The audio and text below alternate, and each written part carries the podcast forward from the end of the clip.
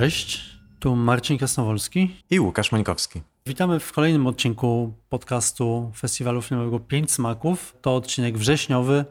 Do festiwalu pozostaje już coraz mniej czasu, ale cały czas jeszcze nagrywamy w trybie miesięcznym i o ile w zeszłym miesiącu rozmawialiśmy o największych hitach kasowych z kin azjatyckich, dzisiaj postanowiliśmy jako dopełnienie tego odcinka opowiedzieć o drugiej stronie medalu, czyli o filmach niezależnych czy arthouse'owych i tutaj chyba należy od razu zaznaczyć, że ta definicja no, jest dosyć trudna y, i nie będziemy się trzymać jej jakoś bardzo kurczowo. Być może czeka nas wręcz niemożliwe zadanie, żeby nakreślić taki bardzo pełny pejzaż tego kina niezależnego, ale no jednak przyjmiemy jakąś taką metodę podobną do tej, którą przyjęliśmy ostatnim razem, czyli nakreślimy tę mapę przy metodzie właśnie takiej bardziej geograficznej, przyjrzymy się konkretnym krajom, tak jak zrobiliśmy to w ostatnim odcinku. No i przyjrzymy się przede wszystkim temu, jacy twórcy obecnie wypływają, e, jakie twórczynie kreślą e, intrygujące portrety własnych krajów. Popatrzymy na pewnego rodzaju tendencje, co się wybija, co się powtarza. Być może uda nam się złapać coś nowego i jak te nowe głosy wybrzmiewają na tle chociażby jakichś e, starszych artystów, artystek. No i też być może uda nam się opowiedzieć też o jakichś filmach, które znajdą się w programie. Niektóre już ogłosiliśmy w czy to w sekcji indyjskiej, czy to w konkursie Nowe Kino Azji, ale na pewno będzie, e, będzie to taka przyjemna podróż po obecnych tendencjach, czy to kina festiwalowego, czy tego kina niezależnego. Będziemy patrzeć na jakieś nasze właśnie też doświadczenie programerskie, bo tych filmów zawsze oglądamy dużo. No i tych filmów jest po prostu dużo, to jest też taka kwestia. Tak, no i też tak jak y, wspomniałem właśnie, jeżeli chodzi o kino niezależne, to wydaje mi się, że my będziemy je rozumieć w tym odcinku może nie jako kino finansowane niezależnie przez nie wiem, samych twórców na przykład, ale po prostu jako kino niekomercyjne, dlatego że coraz więcej krajów azjatyckich ma swoje specjalne fundusze na filmy i są to fundusze rządowe tak naprawdę, więc pytanie, czy tutaj możemy mówić o kinie niezależnym. Takie fundusze tak naprawdę bardzo cieszą, dlatego że pozwalają młodym twórcom w bezpieczny sposób debiutować. Są to zazwyczaj niewielkie pieniądze, ale wystarczają na to, żeby udowodnić duży talent i wydaje mi się, że są kraje takie na przykład jak Korea Południowa, często o tym mówimy, które, gdzie młodzi twórcy dostają skromne pieniądze od rządu albo od szkoły filmowej, w której studiują i są w stanie stworzyć pełnowartościowe dzieło. Trudno powiedzieć, że jest to dzieło właśnie komercyjne. Jest to zdecydowanie właśnie film, który byśmy zaklasyfikowali do tego odcinka. Wydaje mi się, że podobnie jak y, w zeszłym miesiącu powinniśmy przyjąć strategię skupiania się na poszczególnych krajach, dlatego że każdy ten rynek oferuje zupełnie inne możliwości twórcom, e, jeżeli chodzi o produkcję, ale także jeżeli chodzi o pokazywanie filmów. My tak naprawdę te filmy łapiemy albo na festiwalach, na, na które jeździmy, na które głównie ty jeździsz, Łukasz, oraz też mamy je po prostu w selekcji. Natomiast y, myślę też, że rozmawiając o tym kinie, powinniśmy się też zastanowić, czy ci filmowcy mają potem ekspozycję w swoich ojczyznach, e, bo to też jest chyba ważne. To znaczy, te filmy, tak jak wspomniałeś, powstają w dużych ilościach.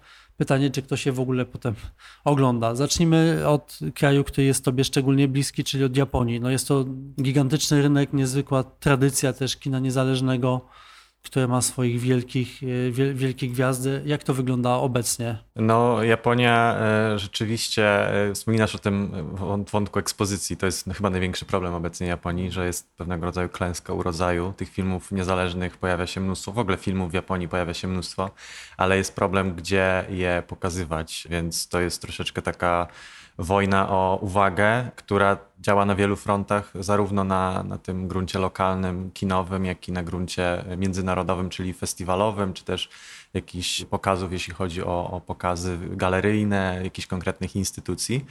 Rzeczywiście Japonia to jest ogromna tradycja kina niezależnego, począwszy od lat 60. i, i nową falę, czy, czy nową falę autorów lat 90., spośród których też zresztą niektórzy jeszcze działają i o tych filmach też troszeczkę powiemy, to dalej jest rzeczywiście ogromny rynek, ale przesycony. Przesycony y, momentami ma się wrażenie, że jest to też rynek zmęczony, rynek, w którym obecnie też dużo zmian zachodzi w obrębie takiego w ogóle ustrukturyzowania etyki pracy. Coraz więcej pojawia się jakichś takich głosów wokół tworzenia związków, chociażby aktorów, związków twórców po wielu ostatnich nieprzyjemnych sytuacjach związanych właśnie z aferami na tle przemocy seksualnej. Ale inną kwestią, zupełnie niezależną już od tego, jest obecny problem Japonii związany z upadkiem takim no, stopniowym w zasadzie upadkiem lokalnych kin. Coraz mniej funkcjonuje tych kin tak zwanych mini theaters. W zasadzie od, od pandemii e, jest taka tendencja spadkowa, że te kina się powoli zamykają. Te największe kina, multiplexy rzeczywiście radzą sobie dobrze, bo Japończycy ruszyli tłumnie do, do kina, jak wspominaliśmy w ostatnim odcinku po, po pandemii. E, no ale niestety te kina mm, studyjne, nazwijmy sobie w ten sposób, nie radzą sobie najlepiej, a z kolei tych filmów stale powstaje dużo i dochodzi do sytuacji, w których te kina, które dalej działają, te kina niezależne, na przykład w Tokio, kina pokroju Eurospace, Kino Koja, czy Image Forum, no te kina, czy też instytucje też nie mają jakiejś ogromnej publiczności, dają radę sobie przetrwać, ale ale często dochodzi do sytuacji, w której niezależni filmowcy stoją przed kinem i rozdają ulotki, zapraszając na, na film, co jest taką sytuacją, która na naszych realiach może nie, nie do końca miałaby przełożenie, ale jest to rzeczywiście jakiś przypadek, w którym mówimy o filmowcach, którzy nie mają gdzie pokazywać swoich mm. filmów. Dlatego tak ważny jest jakiś kontakt z widownią. W Japonii bardzo mocno funkcjonuje taki model butai aisatsu, czyli dosłownie przywitanie na scenie którym takim modelu festiwalowym troszeczkę i w duchu utrzymany festiwalu, gdzie ekipa przychodzi na pokaz specjalny, e, są zaproszeni specjalni dziennikarze, jest też widownia i, i to, są zwykle pokazy, na które wchodzi maksymalnie z 40-50 osób w zależności od wielkości kina, ale są to dość skromne pokazy. E, niemniej ten, ten model bardzo mocno funkcjonuje i sam na takich pokazach wielu byłem i jest w tym jakaś taka energia wspólnotowości na pewno, ale, ale też tego, że jest się bliżej tych, tych niezależnych twórców, którym ewidentnie zależy, bo też no w sumie nie mają większej alternatywy. Na pewno w kontekście pozalokalnym, poza granicami Japonii, wyraźnie ogromną taką rolę pełnią konkretne jakieś instytucje, sekcje festiwalowe, już nawet nie tyle festiwale, tylko konkretne jakby sekcje festiwalowe. Bardzo takim znaczącym miejscem do promowania obecnie, mam wrażenie, kina japońskiego jest sekcja Berlinale Forum, taki przekrój przez kino niezależne z całego świata.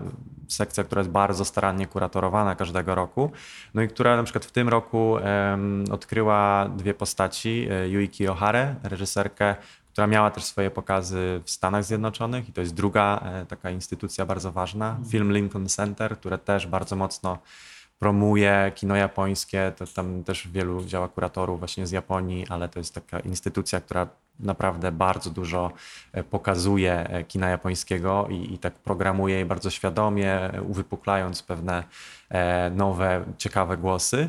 A drugim takim reżyserem, który pojawił się wracając do Berlinale Forum jest Tatsunari Ota, którego być może Państwo kojarzą z pokazów na Nowych Horyzontach z filmu Był sobie kamień. To jest ten reżyser, który stworzył właśnie taką bardzo ciekawą impresję filmową, trochę zabawę filmem, zabawę w ogóle wyobraźnią. Niemniej z tego co wiem, to ten film miał bardzo ciepłe e, przyjęcie na, na Nowych Horyzontach, a jest to przykład właśnie takiego bardzo niezależnego podejścia do kina. No i takich twórców jest naprawdę wielu. To jest trochę właśnie zawsze ten problem tego gatekeepingu, że ktoś znajdzie kogoś. My też znajdujemy tych twórców i według naszych preferencji pokazujemy, bo nam się wydaje, że to może się spodobać czy naszej widowni, czy też w ogóle nam się podoba i uważamy, że to warto, żeby było promowane dalej. No tak, no bo tych filmów jest naprawdę dużo e, i one są na, generalnie na bardzo wysokim poziomie. Ja się zastanawiam skąd, bo wygląda na to, że problemem nie jest realizacja tych filmów, problemem jest ich pokazanie i ekspozycja, więc zastanawiam się, jak wygląda finansowanie tej kinematografii właśnie powiedzmy niekomercyjnej. Czy to jest tak, że te pieniądze daje rząd, czy są jacyś producenci prywatni, czy, czy wiesz skąd, skąd płyną tutaj pieniądze dla tych młodych twórców? Od wielu lat zaczyna funkcjonować taki system finansowania, który idzie poprzez albo jakieś konkretne komisje filmowe, które są zaafiliowane w konkretnych regionach Japonii, czy to prefekturach, czy konkretnych miastach albo jakieś niezależne fundusze, ale to jest właśnie ciekawe, że to kino niezależne w Japonii bardzo mocno jest finansowane poprzez właśnie japońskie źródła finansowania, że to nie jest mhm. Y, przypadek, w którym filmowcy muszą uciekać do tych wszystkich programów finansowych, które opisywaliśmy w odcinku pod tytułem jak europejskie festiwale filmowe kształtują kina azjatyckie. I to jest właśnie ciekawe, ciekawe, że Japończycy, no właśnie, jest jakiś aspekt niezależności w tym kinie niezależnym, że Japończycy rzeczywiście są w stanie produkować swoje filmy na własnych warunkach. No i to są też filmy, które później trafiają na, na festiwale, wygrywają Oscary, bo Drive My Car jest właśnie filmem finansowanym przez e, Hiroshima Film Commission i jest to rzeczywiście no, film, który dzieje się w Hiroshimie, więc, więc to jest jakby jeden z wymogów. No i jeden z wymogów takich e, właśnie funduszy jest to, żeby e, one, te filmy miały miejsce w danych prefekturach. I to jest taki model finansowy, który się dość mocno sprawdza. Takie regiony, które w ostatnich e, latach wypływają coraz mocniej. Trochę ze względu na to, że też nie miały wcześniej miejsca w jakiejś takiej mapie filmowej czy festiwalowej. To na przykład prefektura Nagano, która słynie ze swoich górzystych terenów, ze swojej zieleni. Z, to jest taki region, do którego Japończycy zawsze jeżdżą w góry na, na narty, ale to też region, w którym chociażby Shohei Imamura kręcił y, balladę o Narayamie w latach 80. No i takim filmem, który na przykład dzieje się w Nagano, który moim zdaniem jest ogromnym odkryciem tegorocznym i, i, reżyserka jest dla mnie też odkryciem niesamowitym. E, jest film Side by Side reżyserii Chihiro Ito, która też znalazła swoją drogę do, do, do tego wspomnianego centrum filmowego w Nowym Jorku, film Lincoln Center. E, I to jest reżyserka, która e, świetnie operuje językiem filmowym, pomimo tego, że jest z wykształcenia pisarką i potrafi przenieść język literacki, na przykład swoich książek na, na język filmowy. Jest też scenarzystką wieloletnią, z wieloletnim stażem. Dla mnie jest ogromnym odkryciem i jest właśnie takim przykładem myślenia o, o kinie z jakiegoś takiego rejonu niezależności, w sensie, że trudno mi ją przypisać do jakiejś tradycji e, kina niezależnego w Japonii, więc dla mnie jest to jakiś nowy głos, a jednocześnie mam wrażenie, że całymi garściami można się u niej doszukać jakichś inspiracji od Kiyoshiego Kurosawy, mm. Apichaponga, Verasetakula, czy Hamaguchiego zresztą. Podobna jakaś taka wrażliwość i cieszy mnie, że są dalej, bo się rzadko to zdarza, żeby właśnie były osoby, które są w stanie e, wypłynąć z jakimś nowym pomysłem, nowym językiem. No, mam wrażenie, że Chihiro Ito ze swoimi dwoma filmami Side by Side i In Her Room jest właśnie tego typu osobą. Wspominałem też o Hiroshimie, i, i, takim filmem, który jakiś czas temu wypłynął na, na, końcu zeszłego roku w zasadzie, e, jest film Amiko, który już miał swoją premierę w Japonii, a później trafił do, na festiwal w Rotterdamie. Też film, który dzieje się całkowicie w Hiroshimie. Dla mnie jakiś też nowy trop w kinie rodzinnym, w mhm. kinie dziecięcym w Japonii. E, film, który ewidentnie e, coś też wypracowuje nowego i poszukuje. I też ciekawe, debiut, też poznałem tego reżysera, jest bardzo jakiś taki, mam wrażenie, niezwykle świadomy tego, tego co chciał przedstawić w swojej, swojej historii. Historii, która no, kojarzyć się może automatycznie z kinem Hirokazu Koreedy chociażby, a jest zupełnie inna, jest y, zupełnie, mam wrażenie, jest bardziej mroczna, jest bardziej nieprzewidywalna. Ogromna zmiana tonów y, następuje w tym filmie. No i jest to też jakiś dla mnie wyraźny y, głos w tym współczesnym kinie niezależnym w Japonii. Poza tymi nowymi twórcami są też tacy twórcy, którzy gdzieś tam od lat już w zasadzie tworzą, od lat charakteryzują się swoją taką niezależną pozycją. Niedawno była premiera filmu, nowego filmu Shini Tsukamoto w Wenecji, który dalej jest, mam wrażenie, wierny swojemu stylowi, chociaż nie jest już to tak wyrazisty film jak niegdyś. To akurat opowiada o, o dziecięcej perspektywie. Po raz kolejny mamy dziecięcą perspektywę, ale tym razem o kontekście wojny. To jest e, film właśnie, który okazuje doświadczenie wojny z perspektywy dziecka, z perspektywy też kobiety i, tego, jak, jak w ogóle wygląda taki pejzaż powojenny japoński. Mamy też nowy film na oko Gigami, którą już ogłosiliśmy też w programie. Też reżyserka bardzo e, znana naszej publiczności, znana także w Japonii. I jest to też reżyserka, której twórczość jest bardzo ważna jakimś, ze względu na, jakieś takie inne myślenie o relacjach, o japońskości, o byciu o byciu troszeczkę poza e, jakimś takim mainstreamowym rejestrem.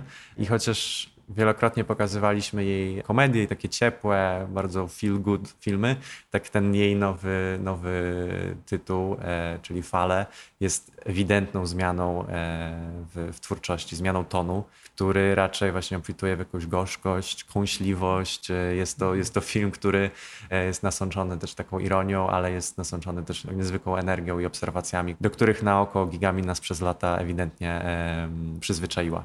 Tak, no ja chciałbym tak trochę może zmieniając ton i też chyba kończąc już ten wątek Japonii, przypomnieć, że największym takim hitem kina niezależnego japońskiego był film Jednym Cięciem, czyli One Cut of the Dead, film, który pokazywaliśmy. Zresztą jest to rzeczywiście film, który opierał się na genialnym dosłownie koncepcie i film, na który japońscy widzowie zaczęli walić drzwiami i oknami. Kiedyś jakby po początkowym takim, można powiedzieć, słabszym rozbiegu w kinach e, ten film zarobił jakieś gigantyczne pieniądze, zwłaszcza w kontekście tego, jak niewielki był budżet tego filmu. To co ciekawe, reżyser no, w swoich kolejnych filmach kompletnie nie może znaleźć formy. Te filmy jego są po prostu słabe, natomiast y, pojawiła się postać twórcy, który wydaje mi się też nie wypłynąłby, gdyby nie jednym cięciem. Widzę tutaj pewne podobieństwa w podejściu do materii filmowej. Mówię tutaj o Juncie Yamaguchim, którego pierwszy film, czyli Beyond the Infinite Two Minutes, opierał się też na bardzo prostym pomyśle tak naprawdę. Zapętlał dwie minuty, do których y, uporczywie wracał. Co ciekawe, jego kolejny film, e, film River, Rzeka, jest zbudowany na bardzo podobnym pomyśle. I znowu mamy tutaj zapętlenie dwóch minut i bohaterów, którzy y, no, ugrzęźli gdzieś właśnie w sytuacji, która się powtarza co dwie minuty. Jest to film absolutnie bezpretensjonalny, jest to film niewielki i on nawet nie próbuje udawać, że ma jakieś ambicje e, bycia filozoficznym czy wielkim, wielkim dziełem, natomiast oglądanie go przyniosło nie tylko mi, ale chyba całemu zespołowi bardzo dużo radości, dlatego że jest to po prostu taka mała perełka ze świetnym pomysłem, z bardzo przyjemnymi aktorami, które tworzą po prostu role takie, że aż się chce ten film oglądać. Także jest to coś, co dla mnie było chyba jednym z największych zaskoczeń właśnie, jeżeli chodzi o to kino niezależne japońskie i muszę przyznać, że bardzo ciepło E, parę miesięcy po, po projekcji bardzo ciepło o filmie River, myślę. Zdecydowanie się zgadzam. Dla mnie to też było ogromne zaskoczenie. No i ciekawe, że ten film, on chyba jeszcze w Japonii nie miał swojej premiery, ale po tym, y, jakie są reakcje na różnych festiwalach, takich bardziej zorientowanych na kino gatunkowe, takie właśnie troszeczkę niezależne, no to te reakcje są niesamowite. Ten film na Letterboxd ma niezwykłe oceny i jest dla mnie jeszcze większe zaskoczenie, jak się podoba dalej jakoś tak, taka konceptualność myślenia o, o, o, kinie, że rzeczywiście prosty pomysł, który jest wykorzystany w zasadzie do granic możliwości, ma w sobie też jakąś perełkę taką e, nostalgii w sobie i element, który dla mnie niezwykle działa ze względu też na osadzenie w miejscu, czyli u, pod, u podnóża tak naprawdę Kyoto, przy jednej z ważniejszych rzek japońskich. No świetna rzecz. To, że, że ten film wypłynął i że zdobywa e, rozgłos i cieszy się sukcesem dla mnie jest, sprawia mi to niezwykłą frajdę w ogóle też, że, że można lubić ten film tak bardzo, jak, jak to się rzeczywiście podoba e, widowni na całym świecie. Tym pozytywnym akcentem zakończmy Japonię i może przejdźmy do krajów, w którym sytuacja jest znacznie, znacznie trudniejsza, jeżeli chodzi o kino niezależne, a więc Chińską Republikę Ludową to, że sytuacja tam jest trudniejsza dla filmowców, którzy mają ambicje tworzyć właśnie poza może wielkimi wytwórniami, poza kinem komercyjnym, to, że jest ta sytuacja trudniejsza jest dosyć oczywiste, dlatego że rząd chiński oczywiście ma ambicje kontrolowania każdego przekazu, e, który się pojawia w tym kraju, a kino niezależne jest potencjalnie dosyć no, niebezpiecznym polem e, do tego, żeby krytykować zarówno rząd, a nawet jak nie rząd, no to na przykład trudną sytuację mieszkańców Chin. I oczywiście no, kino, niezależne kino chińskie do tego służyło w przeszłości. Tak przecież zaczynał Chang Yimou właśnie jako twórca niezależny, który opisywał znoje e, ludzi żyjących na prowincji. Natomiast y, można powiedzieć, że, od, że o ile w zeszłej dekadzie wydawało się, że to kino niezależne gdzieś tam nabiera wiatru w żagle i że mm, te filmy niezależne, bardzo często operując e, językiem e, kina gatunkowego, one po pierwsze były na bardzo wysokim poziomie, a po drugie no, były oglądane w kinach i w Chinach i także na światowych festiwalach. I tutaj wydawało się, że rząd chiński stworzył jakiś wentyl bezpieczeństwa dla filmowców. Od jakiegoś czasu nie mamy najmniejszych wątpliwości, że sytuacja tych twórców się pogarsza, że oni mają coraz mniej tlenu i chyba wszystko, tak mi się wydaje, zaczęło się, kiedy w 2014 roku mm, miała się odbyć 11. edycja Beijing Independent Film Festival, natomiast się nie odbyła, dlatego że do kina w kinie pojawiła się policja, odcięto prąd i w zasadzie całą imprezę rozgoniono. I od tego czasu festiwal się już nie odbywa. Prawdopodobnie stało się tak, znaczy festiwal został zlikwidowany w zasadzie bez żadnej zapowiedzi, bez żadnych komentarzy, dlatego że właśnie e, władze obawiały się, że ten festiwal posłuży do krytyki rządu. No musimy pamiętać, że Chiny są kopalnią tematów. Rozmawialiśmy na przykład o dokumentaryście Wang Bingu, który jakoś jemu się cały czas udaje tworzyć filmy, on ma finansowanie spoza Chin. E, no i te jego portrety właśnie swoich rodaków są niezwykle ponure. Pokazuje to, jak ciężkie jest życie obecnie w Chinach. Natomiast od, od jakiegoś czasu obserwujemy, że jeżeli chodzi o fabuły na przykład, no to jest ich coraz mniej. Takim ciekawym wątkiem w kinie, w kinie chińskim odznaczył się film Return to Dust, który miał też swoją premierę na festiwalu Nowe Horyzonty i, i to był film o, o prowincji, o życiu, właśnie o takim znoju życia na, na prowincji, znoju ciężkiej pracy. To film całkowicie niezależnie zrealizowany przez Leroy Jina, który który był reżyserem, montażystą, tam chyba scenografię nawet tworzył i nawet rozmawiałem z nim e, w trakcie Berlinale rok temu, przeprowadziłem wywiad i rzeczywiście się spytałem go, dlaczego za wszystko odpowiadał. To powiedział, że tak było taniej e, i nie było jakiejś takiej większej e, motywacji za tym. I pomimo tego, że jakby to jest niezależny film, który jest jakimś takim, no można powiedzieć, trochę mikrofilmem, chociaż wygląda fenomenalnie momentami, w sensie on jest bardzo profesjonalnie zrealizowany, pomimo tego niskiego budżetu. No ale, ale pokazuje też negatywnie Chiny, negatywnie pokazuje procesy modernizacyjne, a oczywiście Chiny dążą do tego, żeby, żeby się modernizować, więc nie ma tutaj jakiejś mrzonki o, o życiu na prowincji, że to jest e, coś pięknego, a w sumie do tego trochę chciałoby też namawiać do, ta oficjalna narracja, o czym wiemy przecież też z filmów e, Wang Binga. No i kiedy ten film e, zdaje się wszedł do kin, to y, dość szybko okazało się, że y, ta popularność, jaką on zyskuje, nie jest zbyt wygodna dla, dla Chin, prawda? Tak, tak, dokładnie. Znaczy, wydaje się, że dlatego on przeszedł cenzurę, że nikt w ogóle nie stawiał na to, że ktokolwiek go obejrzy w Chinach. E, natomiast po dwóch tygodniach on miał bodajże półtora miliona widzów i kilkanaście milionów dolarów na koncie, co jak na film niezależny, tak jak mówisz, zupełnie niekomercyjny, opowiadający o prowincji, też zrealizowany w narzeczu lokalnym, no to był fenomen. I wtedy okazało się, że ten film może być niebezpieczny. I co się z nim stało? Po prostu znikł. Znikł zarówno z kin, jak i ze streamingu z dnia na dzień, bez żadnych wyjaśnień. No i go nie ma. Ale to jest w ogóle ciekawa też taka polityka, że mam wrażenie, że ostatnie dwa lata zmienił się jakiś taki proces pozyskiwania nawet filmów z Chin, że wcześniej te filmy po prostu dało się pokazać na festiwalu, a teraz trzeba poczekać, aż film zostanie pokazany w mhm. Chinach bardzo często, zanim możemy go pokazać na festiwalu. Dlatego w zeszłym roku mieliśmy problem, nie było żadnego filmu z Chin. W tym roku będą, już jeden e, ogłosiliśmy tak naprawdę, ale będzie ich więcej. No ale to jest e, bardzo ciekawe, jak e, zmieniła się polityka festiwalowa, także to, że też producenci dyktują bardzo duże warunki tego, jak, jak te filmy mają być pokazywane, a często w ogóle o pokazach online nie ma w ogóle mowy. No ale niemniej, jest też wytrych na to, jak można o, o Chinach opowiadać, to sposób jakiś taki powiedzmy na to pseudokrytyczny, bo jakoś otwarta krytyka to tutaj nie ma za dużego miejsca, ale z takich, z takich obserwacji e, tego kina współczesnego e, mogę powiedzieć, że e, mam wrażenie, że właśnie młodzi filmowcy opowiadają krytycznie poprzez perspektywę czasową, mm. że jeżeli filmy dzieją się w przeszłości i opowiadana jest historia, historia z perspektywy jakiegoś konkretnego wycinka czasu, na przykład 10 lat po wydarzeniach, to te filmy zdają egzamin, w sensie dostają te wszystkie pieczęcie, które muszą dostać, więc ta perspektywa przeszłości jest jakimś wytrychem. No i wtedy można opowiadać o młodości, to jest temat, który bardzo często powraca, o prowincji, o, o tym, jak te prowincje się zmieniają.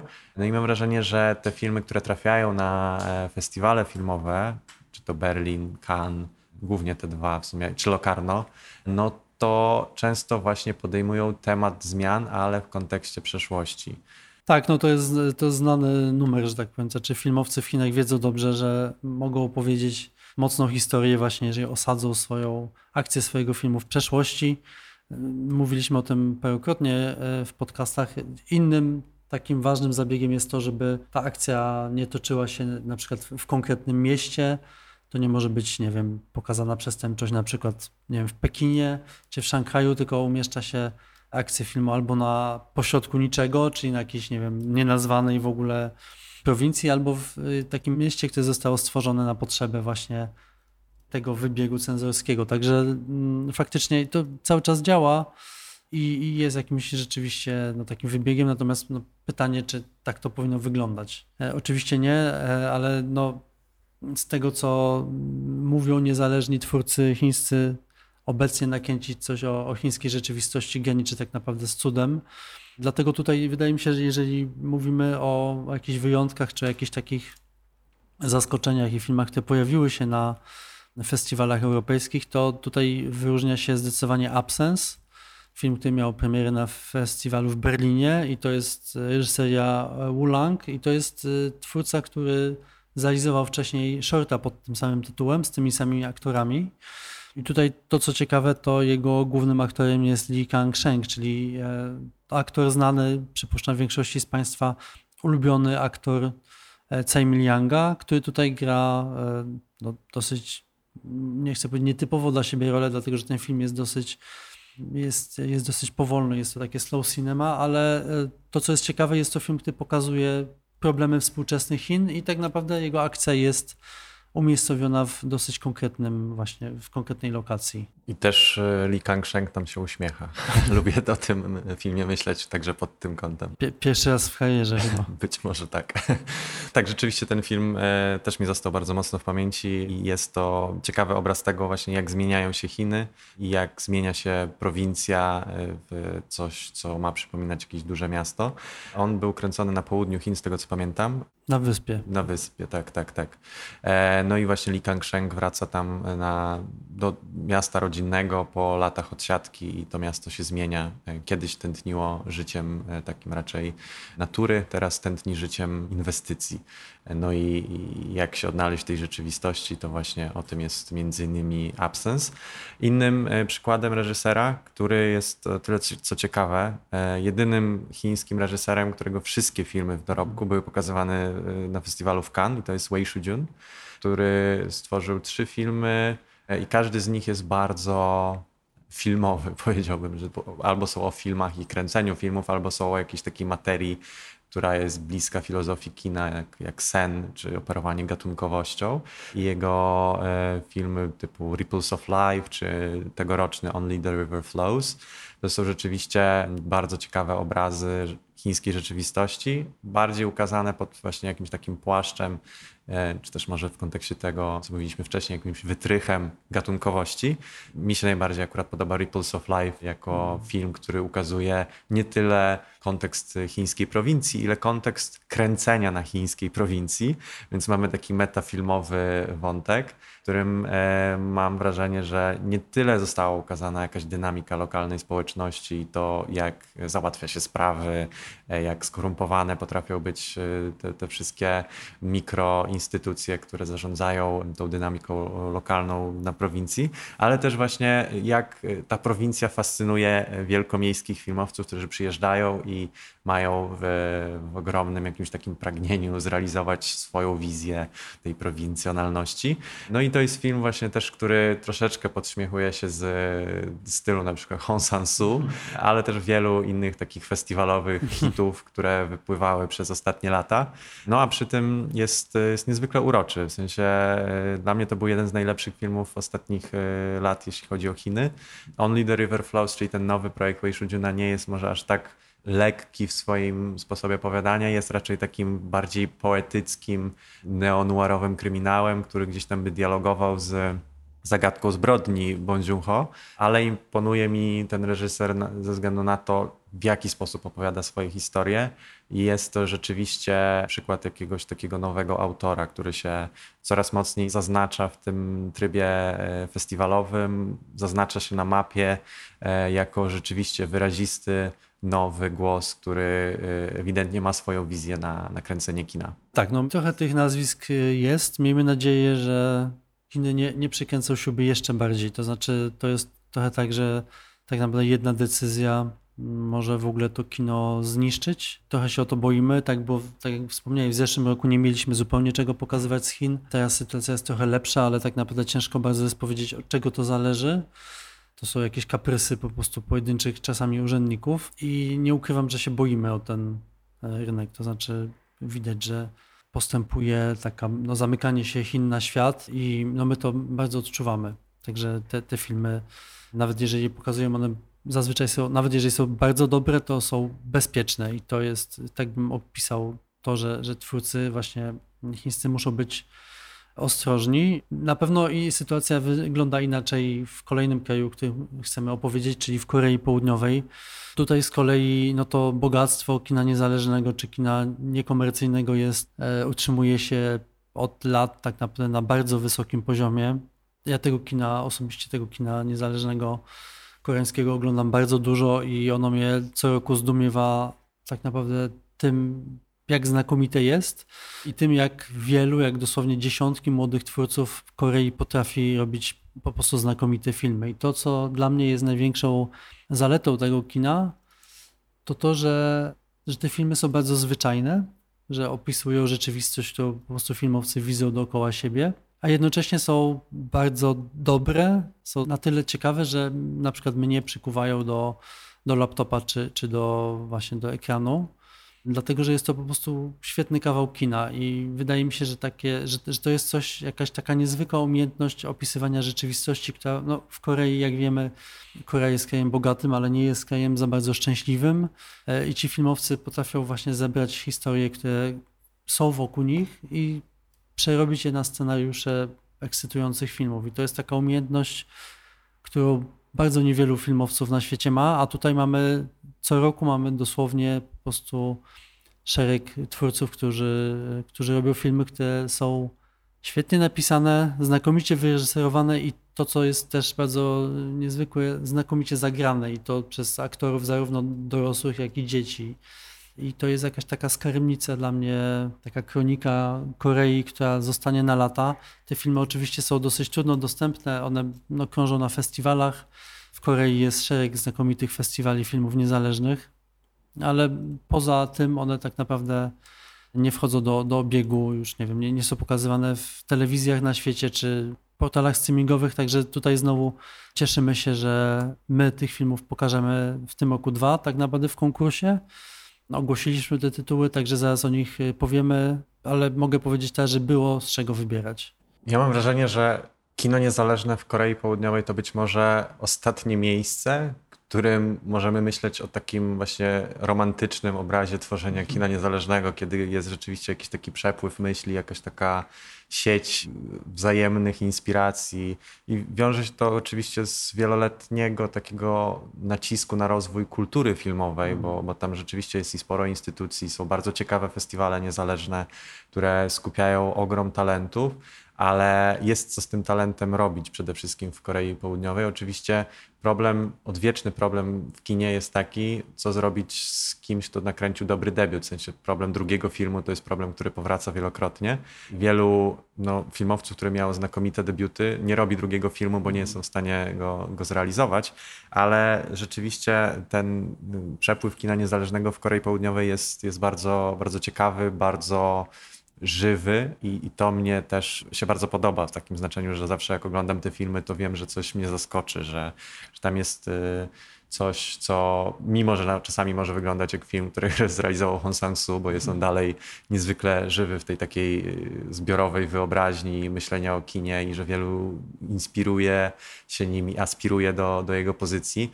Co ciekawe, Hong Sang-soo jest jednym z być może niewielu twórców na całym świecie, który jest jednym z najbardziej niezależnych twórców, w sensie on już robi wszystko w swoich filmach. Odpowiada już nie tylko za reżyserię i scenariusz, ale i odpowiada za montaż, dźwięk i, i, i muzykę ale jest dalej jakąś taką e, silną ostoją i punktem odniesienia dla wielu młodych twórców i twórczyń. No ale tych, tych nazwisk oczywiście jest więcej. A co jest ważne w kontekście Korei Południowej, no to są fundusze filmowe. One tutaj mm, bardzo mocno napędzają ten, e, nazwijmy to, rynek kina niezależnego, ze względu na to, że młodzi twórcy mają gdzie uderzyć i mają gdzie realizować swoje historie. Jednym z takich najważniejszych funduszy, który działa bezpośrednio przy festiwalu filmowym jest y, Jeonju Cinema Fund, który działa przed Jeonju Film Festival i to jest y, festiwal, który co roku mnie zaskakuje swoją selekcją e, kina niezależnego. Jeśli ktoś miałby ochotę pojechać na jeden festiwal, wybrać jeden festiwal na świecie, moim zdaniem Jeonju is the place to be, bo to jest, to jest coś, co, co pokazuje naprawdę energię organiczną. W sensie to są filmy, które powstają w Korei za niewielkie pieniądze, ale jest to naprawdę szczere, co Dziondziu y, kreuje. No i też te filmy oczywiście czasami trafiają gdzieś na jakieś festiwale międzynarodowe, w Polsce bardzo rzadko. Tak, no ja y, co roku, kiedy odbędzie się Jeonju Film Festival, no my zbieramy screenery z tych właśnie z, z line-upu tego festiwalu i to jest rzeczywiście zanurzenie się w bardzo w szeregu bardzo przyjemnych historii. Ja tutaj akurat y, w tym roku nie mogę zapomnieć o filmie Small Fry, Dlatego, że jest to, jest to film, dokładnie to jest typowe kino koreańskie niezależne. To jest film, który prawdopodobnie nie powstałby, gdyby nie kino Hong Sang-soo, dlatego że widać, że twórca inspirował się jego filmami. Jest to, jest to opowieść rozpisana na trójkę aktorów z budżetem dosłownie po prostu prawdopodobnie nieistniejącym.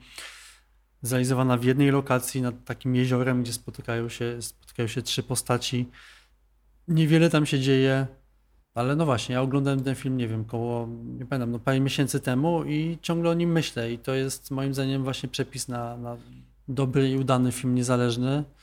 Także tak, takich zawsze mam bardzo dużo przyjemności, kiedy spotkam taki film i wiem, nawet jeżeli wiem, że on nie trafi na pięć smaków, że on jest zbyt anegdotyczny, że jest to coś, co jest, nie jest wystarczająco dobre, nie porusza jakichś ważnych tematów społecznych, nie jest taką e, petardą niezależną, to po prostu mam wielką przyjemność z oglądania takich filmów. E, no ale właśnie, myślę, że możemy szybko wspomnieć o tych filmach, które no, spodobały nam się do tego stopnia, że postanowiliśmy je włączyć do e, konkursu. Są to dwa zupełnie różne filmy, dlatego że mamy z jednej strony mamy Tajemniczego Pieczeniarza, a z drugiej strony i to jest film taki bardzo wstrzymany, to znaczy jest to film bardzo precyzyjnie rozpisany.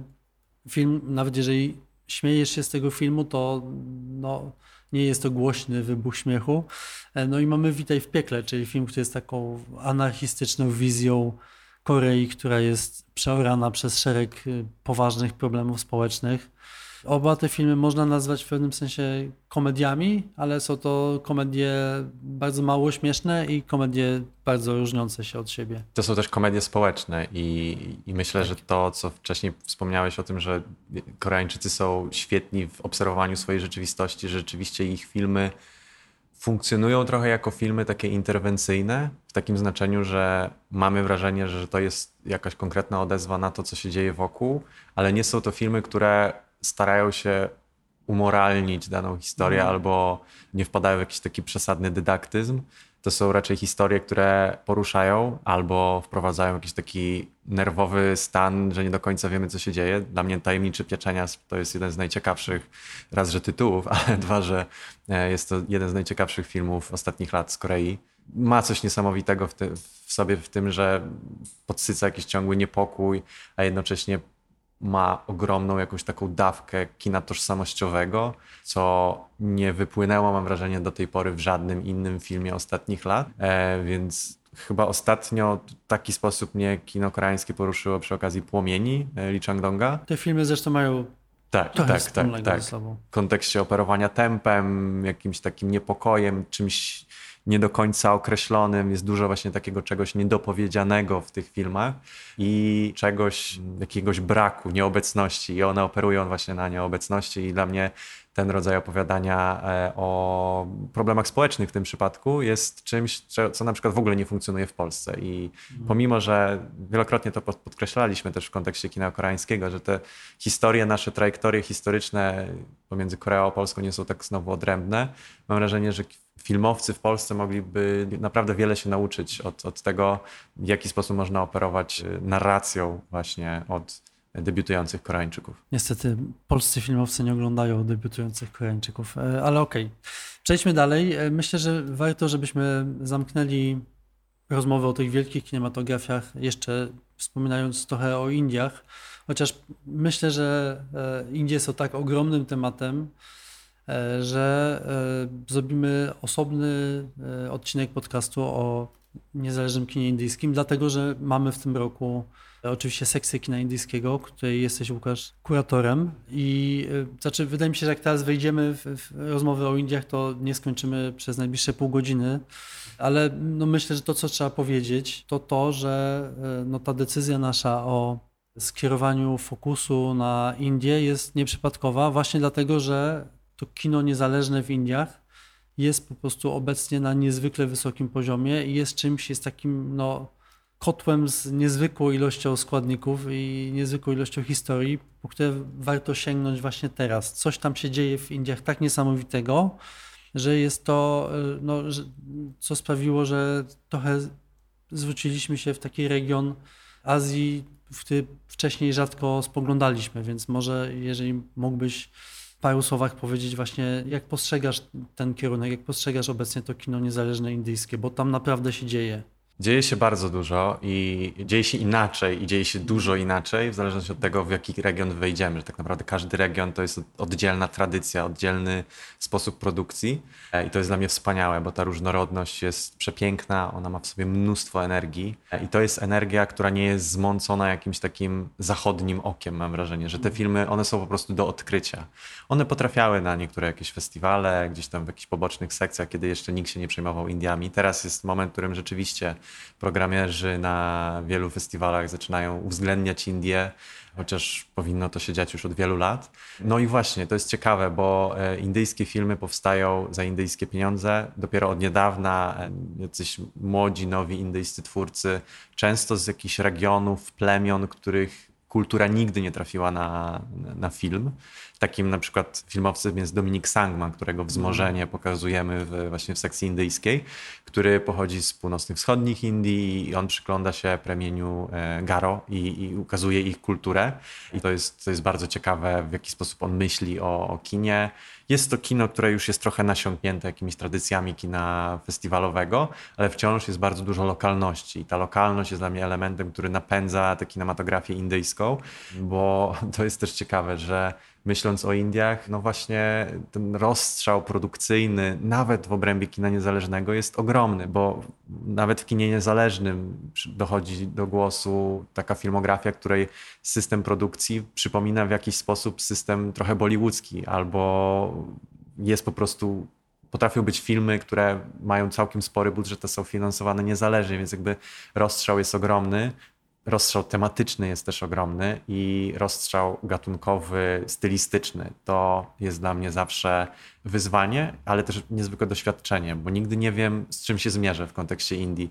Mogę oglądać film o boksie, w którym mhm. nagle ktoś zaczyna tańczyć, śpiewać. E, nagle staje się ten film na przykład e, filmem mafijnym, który nie powstydziłby się na przykład Martin Scorsese. Więc jakby to jest, to jest naprawdę niezwykłe, w jaki sposób ta różnorodność tam funkcjonuje. To, co jest bardzo też ciekawe w Indiach, to to, i to już jest ostatnia rzecz, którą opowiem, że dochodzą właśnie do głosu mniejszości narodowe też, e, mniejszości wyznaniowe. Dużo filmów obecnie powstaje wokół mniejszości muzułmańskiej, wokół której jest też nagonka obecnie ze strony mm. rządu Narendry Modiego, więc e, to jest też ciekawe, że, że w ten sposób można mówić też o Indiach pod kątem właśnie tego, jakie narracje są wypychane, poza jakiś taki margines oficjalny. No i e, takim filmem jest Jaki Kolor, który też e, sprowadzimy do naszej sekcji indyjskiej. To jest e, film niepozorny, wydaje się, że to jest zwyczajna, obserwacyjna taka drama, ale to jest film, który jest naprawdę przesiąknięty kontekstami, jakimś takim wręcz manifestem politycznym się staje. Cichym i, i takim e, właśnie raczej powolnym, ale bądź co bądź manifestem o niezwykłej sile. Tak, dla mnie takim, y, na zamknięcie rozmowy o Indiach, dla mnie takim, taką postacią, która doskonale pokazuje, do czego właśnie są zdolni twórcy y, z Indii, jest José Lidio Pellicery, którego pokazywaliśmy dwa filmy, pokazywaliśmy Labirynt i Jallikatu. No jest to twórca, który zaczynał jako można powiedzieć, taki keralski Quentin Tarantino, dlatego że robił komedie sensacyjne, gangsterskie. I nagle zmienił zupełnie styl i, i stworzył właściwie swój własny język filmowy, który uważam jest tak piękny i efektowny, efektywny może raczej, że powiedziałbym, że no, uczyniło go to jednym z najlepszych filmowców w ogóle współczesnych. I te jego pomysły na to, jak inscenizować sceny zbiorowe, co robić z tymi krzyczącymi ludźmi, którzy biegają po ekranie, e, w większości naturszczykami. Moim zdaniem jest to przejawem czystego geniuszu i jakiejś niezwykłej w ogóle wyobraźni filmowej. To co ciekawe, Pelisery wypracował sobie ten styl, dzięki niemu zapracował nawet na, na to, że Jallikattu stało się indyjskim kandydatem do Oscara i tak dalej. I w pewnym momencie on zrealizował trzy filmy w, w tym, w tym stylu i porzucił go zupełnie. Obecnie pracuje nad w ogóle blockbusterem historycznym za kilkadziesiąt milionów dolarów, także jest to, jest to doskonały przykład na to właśnie, jak, jak zwariowany i niezwykły i nieprzewidywalny jest ten rynek e, kina indyjskiego. Tak, to jest ciekawe, bo ja wspominałem o na przykład o filmach z północy, a Pelisery to już jest południe Indii i, i, zupełnie już jest to już inna w zasadzie, nie tyle nawet wrażliwość, ale jakaś taka energia, bo filmy Peliserego są wyładowane energią, w sensie one, one po prostu tętnią życiem, tętnią ruchem, jakimiś takimi emocjami, agresją wręcz. I to jest niesamowite właśnie, e, co, co się w jego filmach kryje. No a w ogóle samo południe pod względem filmowym to też jest, jeśli chodzi o Indię, to też jest ogromny temat. Ogromna scena filmów dokumentalnych, po filmy gatunkowe. No, to, jest, to jest też rzeczywiście temat na, na oddzielny podcast. Na pewno też y, bardzo ciekawym rynkiem, na którym dzieje się obecnie dużo i widzimy taką też energię, która sprawia, że my jako selekcjonerzy mamy spory, taki trudny orzech do zgryzienia, co wybrać, jest Tajwan. E, tam no to jest niewielki rynek tak naprawdę. Mm, ale, ale ogromnych tradycjach. Ogromnych tradycjach, ale rynek, który właśnie jest niezwykle teraz żywy. Twórcy tajwańscy wchodzą też w koprodukcję, jeżdżą na festiwale, widać, że tam się bardzo dużo dzieje. Trochę analogicznie mam wrażenie do Indii. Tutaj do, przychodzi taka sytuacja, w której takim najciekawszym być może zrywem e, ostatnich kilku lat są filmy o mniejszościach tajwańskich, które nie są znowu dla nas, mam wrażenie, tak oczywistym tematem. Mam wrażenie, że ta narracja o tym aż tak mocno nie przebija się e, w jakichkolwiek e, kanałach, że powstają filmy, które właśnie opisują zwyczaje i kulturę chociażby tajwańskich aborygenów, czy jakieś konkretne plemiona pokroju właśnie plemienia Atalajów. No i te filmy nierzadko są kręcone właśnie przez osoby, które pochodzą właśnie z danego obszaru kulturowego, więc te historie tak naprawdę mogą dopiero teraz wybrzmieć, bo prawdopodobnie wcześniej nie było mhm. sposobu na to, żeby ktokolwiek mógł się nauczyć, jak kręcić filmy, więc to są osoby, które prawdopodobnie w większości przypadków mogły jakby dostąpić tego przywileju wyemigrowania gdzieś i uczenia się kina, uczenia się sztuki filmowej i dopiero później wracały do lokalnych kontekstów. I jedną z takich reżyserek, która mi ogromnie imponuje jest Lecha Mebo, która e, właśnie pochodzi z plemienia Atalajów, która w tym roku, czy w zasadzie pod koniec zeszłego roku nakręciła Gagę, o właśnie o kulturze Gaga, kulturze e, plemienia Atalajów taki film, który z poziomu takiego kulturoznawczego, etnograficznego jest y, skarbnicą w zasadzie wiedzy. Jest to film, który nie dość, że pokazuje jeden do jeden, mam wrażenie, czasami jakieś konkretne zwyczaje, sposób myślenia, filozofię, rytuały, które determinują jakąś taką też lokalną dynamikę społeczną.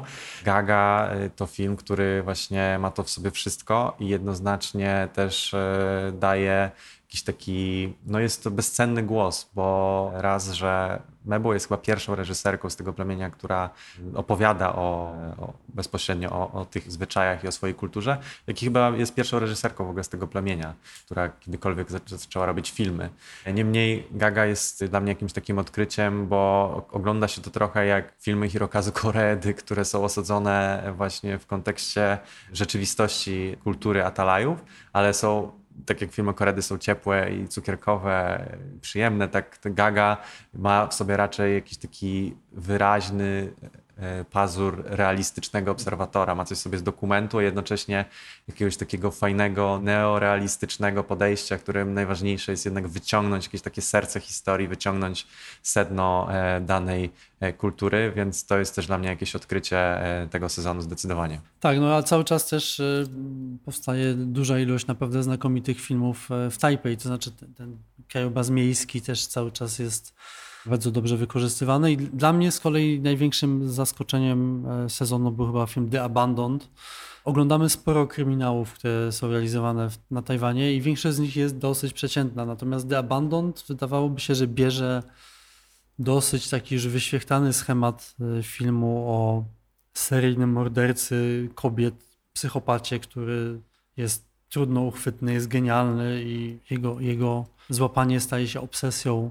Tutaj w tym przypadku bohaterki, która no, jest policjantką, ale też no, zmaga się z bardzo poważnymi problemami osobistymi, więc to wszystko to są elementy, które świetnie znamy z dziesiątek filmów kryminalnych, natomiast The Abandon udało się tchnąć jakiś, jest w tym filmie coś nowego, coś, co jest niezwykle przejmujące. No nie bierze jeńców ten film Nie bierze jeńców. Jest, jest to film pięknie zrealizowany, niezwykle ponury, naprawdę, ale ja po jego obejrzeniu byłem naprawdę wstrząśnięty i no jest to coś, co, czego długo nie zapomnę. Z tego co wiem, Abandon ma wejść do streamingu na świecie. Nie wiem, czy będzie w Polsce, ale jeżeli będą mieli Państwo okazję zobaczyć, to jest to naprawdę no, perła współczesnego kina tajwańskiego. E, myślę, że ostatni, e, moglibyśmy tak mówić o kolejnych krajach, ale no, myślę, że wtedy ten odcinek straciłby trochę na koherentności. E, skończmy może na kraju, o którym rzadziej mówimy, a który też ma przecież tak naprawdę niezwykłą tradycję kina niezależnego. Wydawało się nawet jakiś czas temu, że to niezależne kino filipińskie no jest takim czymś, co, co jest właśnie takim, nie wiem, pulsem kina azjatyckiego. No, filmy filipińskie jeździły na festiwale światowe, bardzo dużo ich było na przykład na horyzontach.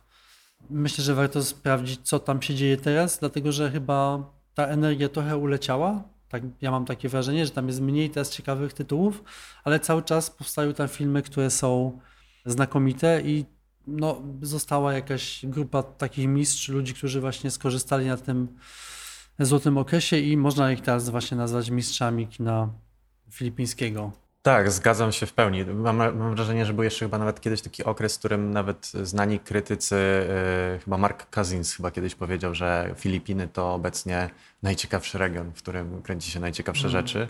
Oczywiście mówił o kinie niezależnym yy, i rzeczywiście to kino niezależne to jest yy, też krajobraz ogromny i tych filmów powstaje dużo, często za niewielkie pieniądze. Co ważne, oni, Filipińczycy mają też swoje festiwale filmowe i swoją kulturę festiwalową i to jest ogromna też platforma dla e, osób, e, które tworzą filmy niezależnie. Ja mam kilku znajomych Filipińczyków, którzy są krytykami i, i, nigdy nie widziałem osób, które miałyby taką pasję do opisania o swoim kinie i kinie w ogóle. To jest dla mnie zawsze ciekawe, bo e, często nie mają też możliwości pisania dla większych miejsc nie mają możliwości podróżowania na festiwale e, na świecie. Filipiny jednak są dotknięte dość dużym ubóstwem i, i kryzysami i obecna sytuacja polityczna też nie, nie sprzyja temu, żeby to się w ogóle zmieniało, ale sprzyja na pewno temu, żeby o tych problemach kraju opowiadać z niezwykłą odwagą i mhm. z niezwykłym pazurem. Love Diaz oczywiście y, pionier kina niezależnego, współczesnego, ważna postać i od lat tworzący poza systemem, wbrew systemowi, przeciw systemowi i postać, która no, opowiadać można było o nim dużo i jakby z roku na rok on otrzymuje niezwykłą formę, cały czas tworzy naprawdę bardzo ciekawe rzeczy, nawet te tegoroczne, które były w Locarno chociażby, są bardzo ciekawe filmy. Rokrocznie jestem zaskoczony, że Love Diaz potrafi mnie jeszcze zaskoczyć. No ale mamy też e, Robles Alane, który wiem, że Marcin, ty uwielbiasz jego najnowsze najlepszy film. Tak, to w ogóle bardzo lubię jego, w ogóle jego filmy, dlatego że y, lubię być zaskakiwany w kinie, a Junior Bezlana wie jak zaskakiwać. Myślę, że część e, Państwa pamięta film Wielkanoc, który pokazywaliśmy w zeszłym roku. E, był to film, który pokazywaliśmy tylko w kinach, także pewnie miał mniejszą ekspozycję, ale no, był to film, który spotkał się z, z, dużą chyba kontrowersją wśród naszej widowni, dlatego że opowiadał o bardzo poważnych sprawach w komediowy sposób i można powiedzieć, że w tym roku Juno Bezlana znowu to zrobił, to znaczy jego film My Mother's Son jest e, chyba jednym z najbardziej zaskakujących seansów, jakie miałem przyjemność e, odbyć w tym roku. Nie jest to może tak poważna, poważny temat jak film Wielkanoc, dlatego że tutaj mamy, nie mamy tak naprawdę mocno zarysowanego tła społecznego, chociaż czy politycznego, chociaż ono tam jest gdzieś. Natomiast jest to, też no, film znakomicie rozpisany na, na czwórkę postaci. E, jest to seans, który naprawdę no, jest, e, kroczy gdzieś od zaskoczenia do zaskoczenia. Dla mnie to był seans zupełnie oblepiający z każdej możliwej strony i, i klaustrofobiczne doświadczenie ale e, doceniam, naprawdę doceniam jakąś taką konsekwencję pokazywania e, tematów tabu, Tutaj mamy tabu, którego nie chcę zdradzać, bo będzie to spoiler, a, a trochę mam wrażenie, że przyjemność tego filmu wynika z tego, że im mniej wiemy, tym bardziej możemy zostać oblepieni tym stanem jakichś niepokojących obserwacji Lany, ale jest to rzeczywiście twórca, który, który imponuje na wielu poziomach, który no, od wielu, wielu lat dostarcza filmy, które rzeczywiście świetnie komentują e, Filipiny bo nawet e, My Mother's Son jest, mimo że jest niepozornym jakimś takim filmem pod kątem jakiejś obserwacji społecznej, no mam wrażenie, że w tej klaustrofobicznej jakiejś takiej grze i w tym klaustrofobicznym ścisku udaje mu się przemycić bardzo dużo obserwacji na temat Filipin. Tak. Ostatni film, o którym chcielibyśmy wspomnieć, to jest film, który też ma matkę w tytule, film In My Mother's Skin. Kennetha Dagatana. Jest to o tyle ciekawy film, że po pierwsze został zrealizowany jako koprodukcja z Tajwanem i z Singapurem. I to, to, co mnie zaskoczyło w tym filmie, to to, że jest to, znowu mamy historię, która wydaje się być e, dosyć już znana. Nie jest to film, który odkrywa jakieś nowe sposoby narracji, czy opowiada jakąś historię, która nie została już opowiedziana w kinie, natomiast robi to z niezwykłym wizualnym kunsztem. Kunsztem, który ja doceniłem dopiero, kiedy obejrzę, oglądałem ten film w Udine. Wcześniej widziałem go na laptopie i w ogóle nie zwrócił mojej uwagi, natomiast w kinie no, rzeczywiście okazało się, że jest to, jest to perełka wizualna. I jest to film, który jest, e, też warto o nim wspomnieć, dlatego że on odniósł spory sukces na festiwalach światowych i będąc debiutem młodego twórcy, został zakupiony przez Amazon i tam można go zobaczyć e, obecnie. Jest to, mówię o tym dlatego, że wydaje się, że, że pokazuje to, jak często kino niezależne może jednak trafić do światowej widowni. Wydaje się, że dlatego, że jest to film gatunkowy, jest to horror i przez to no, młody twórca otrzymuje ekspozycję, której tak naprawdę, na którą nie miałby szans, nie wiem, jeszcze 5 czy 10 lat temu. Tak, właśnie kiedyś prowadziłem spotkanie z reżyserem na, na festiwalu w Rotterdamie i on bardzo dużo opowiadał o tym, jak ten film powstawał w kontekście też jakby wykorzystywania przestrzeni i właśnie można, może się wydawać, że to jest film jakich wiele, bo dzieje się w jakimś kontekście około jakiegoś takiego pejzażu powojennym jakby, dużo jakichś traum, właśnie to, o czym opowiadają w sumie Filipiny przez lata, bo jest to właśnie film też o, o jakimś takim pejzażu przemocy, a jednocześnie jest to próba gatunkowa, która jest y, o jakimś rodzaju nawiedzenia, egzorcyzmie, o duchach, trochę jak labirynt fauna, mam wrażenie, że takiej mm. estetyki też używa. No i myślę, że to może właśnie był też klucz do tego, że, że była szansa na to, że y, ten film się sprawdzi ze względu na jakąś taką swoją czytelność i uniwersalność przekazu. Niemniej jest to rzeczywiście wizualnie bardzo imponujące dzieło, e, dźwiękowo, zdjęciowo. No naprawdę ten film imponuje na wielu poziomach, więc jeżeli ktoś ma okazję zobaczyć go w dobrych warunkach na Amazonie, to na pewno polecamy. Dokładnie. Od razu powiemy, przez to, że jest dostępny na Amazonie, nie będzie go na pięciu smakach, natomiast jeżeli macie duże ekrany w domu, bardzo polecamy In My Mother's Skin. E, no dobrze, moglibyśmy tak długo jeszcze. E, oczywiście jest parę krajów, których, o których nie opowiedzieliśmy. Moglibyśmy mówić o Hongkongu, o Indonezji, moglibyśmy mówić o Wietnamie, Kambodży i jeszcze paru krajach. E, nie zrobimy tego, dlatego że już i tak dosyć długo mówimy, więc w tym momencie skończymy. Bardzo dziękujemy za wysłuchanie kolejnego odcinka i zapraszamy na jeszcze jeden regularny odcinek podcastu w październiku. Temat będzie zupełnie inny, e, a potem już e, odcinki związane z 17 edycją Pięciu Smaków. Bardzo dziękujemy. Dziękujemy.